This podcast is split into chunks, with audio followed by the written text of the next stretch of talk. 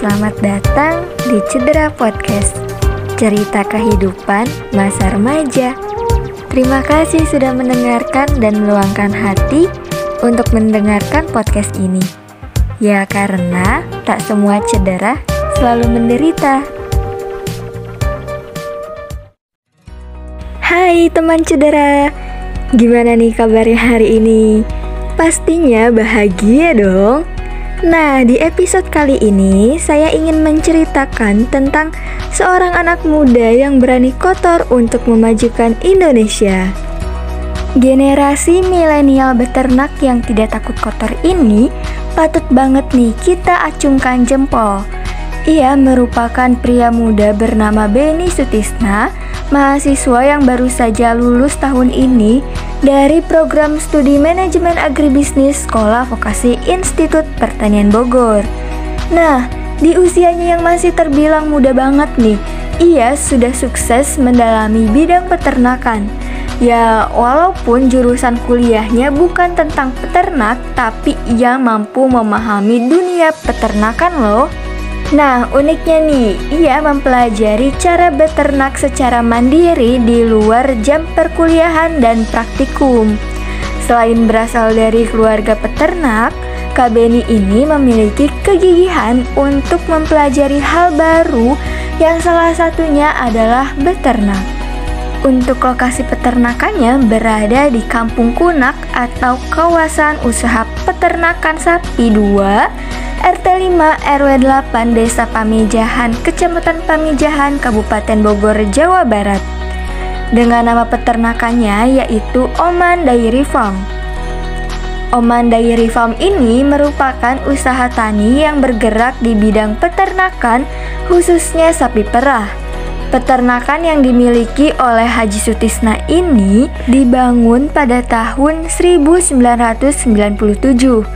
Nah, saat pertama kali memulainya, ayah Kak Beni ini hanya memiliki 5 ekor sapi perah saja loh. Dan kini, Oman Dairy Farm sudah memiliki sejumlah 17 ekor sapi pedet, 83 ekor sapi laktasi, dan 14 ekor sapi pedaging. Wow, keren banget ya teman cedera. Dari 5 ekor sapi dan sekarang sudah memiliki puluhan ekor sapi. Selain itu juga, Oman Dairy Farm ini memiliki beberapa lapang untuk dijadikan kandang loh.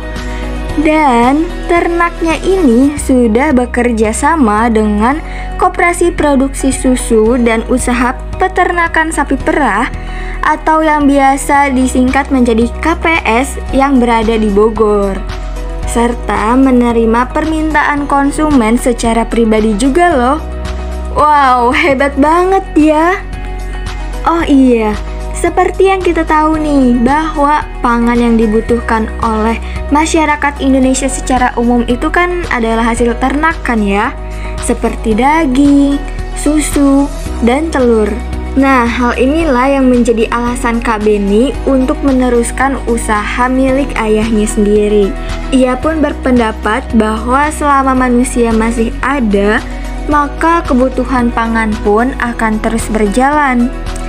Betul juga sih, apalagi makanan empat sehat dan lima sempurna ini nih dominan banget nih dari hasil ternak. Selain itu juga, ia pun melihat peluang konsumen dan permintaan pasar yang memadai. Karena pangan yang dibutuhkan oleh masyarakat Indonesia secara umum adalah hasil ternak maka permintaan pasar untuk hasil ternak ini semakin meningkat di setiap harinya. Apalagi nih kalau udah mau lebaran, duh, siap-siap deh daging sapi dimasak untuk dijadikan rendang nih. Hmm, yummy. Dan hal unik lainnya nih teman cedera, susu yang dihasilkan oleh sapi yang dimiliki Kak Beni ini memiliki kualitas yang sangat baik loh sehingga para home industry mencari perusahaannya, bukan perusahaan milik Kak Beni yang mencari mitra. Keren banget ya, kayak rasa sayang aja gitu datang dengan sendirinya. Canda guys. Ayo lanjut lanjut. pengakuan dari home industry susu yang dihasilkan oleh kita itu bagus karena lebih cepat diolah menjadi yogurt dibandingkan susu dari peternak lain, kata Kak Beni waktu itu. Nah, sehingga ia juga menyesuaikan kebutuhan dari konsumen karena tidak terikat dengan MOU. Nah, kira-kira apa aja sih keuntungan dan kesulitan jadi seorang peternak?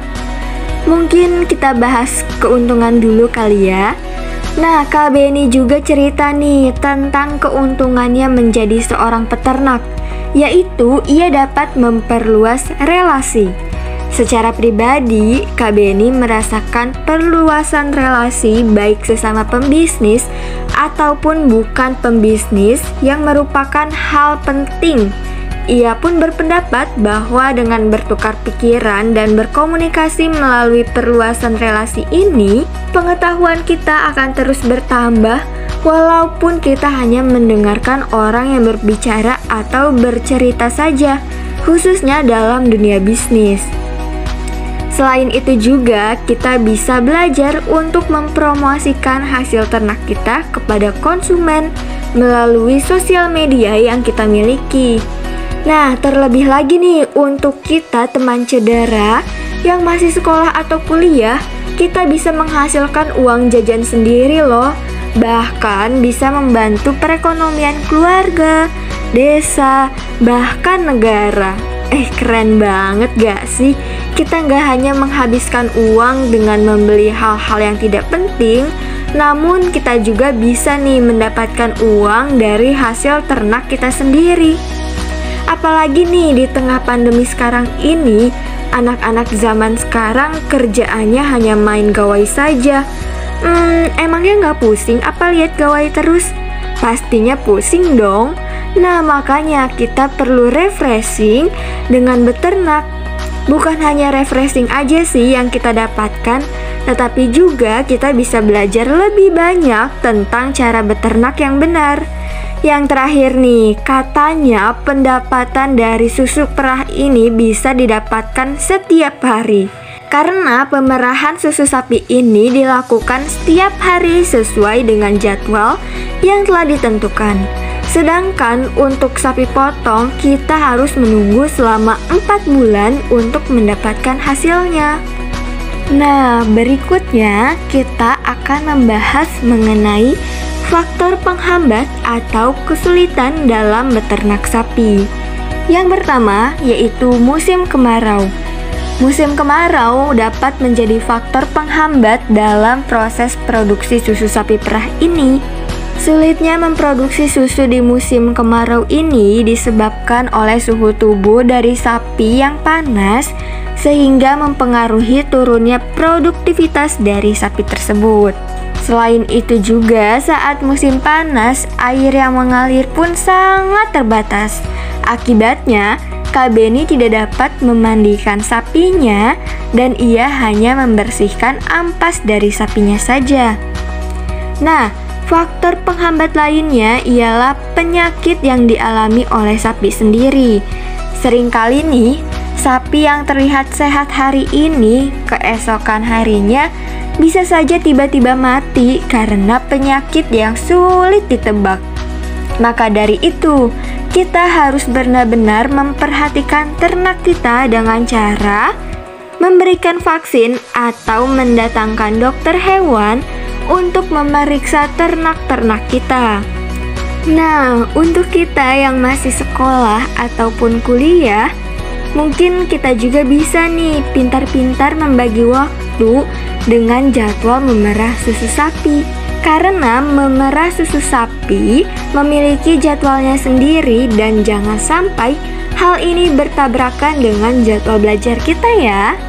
Seperti generasi milenial pada umumnya, Kak Beni juga memiliki cita-cita agar ia dapat bermanfaat baik di daerah, keluarga, maupun masyarakat luas dalam bidang peternakan. Ia juga berusaha untuk terus membuka lapangan pekerjaan untuk masyarakat karena dalam bisnis ini ia membutuhkan banyak sekali sumber daya manusia untuk menjaga dan merawat sapi-sapinya. Selain itu, ia mau membantu dalam meningkatkan pendapatan masyarakat sehingga masyarakat tetap makmur dan diharapkan mereka pun bisa membuka bisnis baru seperti yang dimilikinya. Nah, Kak Beni juga bercerita nih bahwa dua pegawainya sudah memiliki peternakan sendiri dari hasil yang mereka dapatkan loh. Wow, keren banget ya. Eits, tapi bukan berarti saingan Kak Beni semakin bertambah. Justru ia memiliki partner susu sapi perah baru yang bisa diajak bekerja sama. Dan ia pun berpesan kepada generasi milenial untuk jangan gengsi dalam melakukan pekerjaan.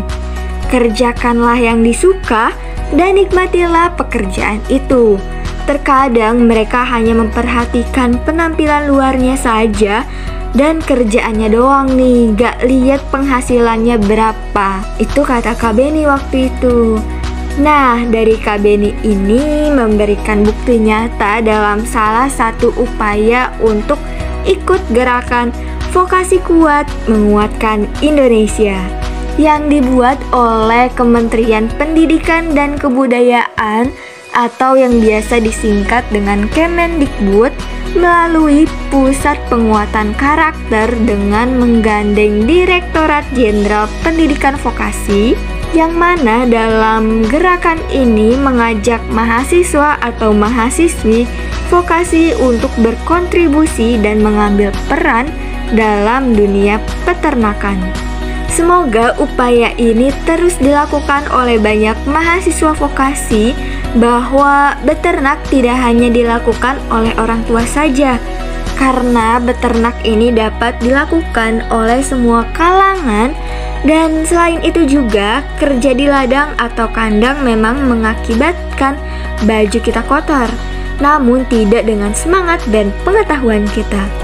Pelajarilah bidang yang ingin ditekuni dan carilah relasi yang seluas-luasnya sehingga generasi milenial dapat membantu pemerintah untuk menyejahterakan masyarakat Indonesia. Sekian cerita kita dari seorang milenial yang tidak takut kotor karena beternak dan sampai jumpa.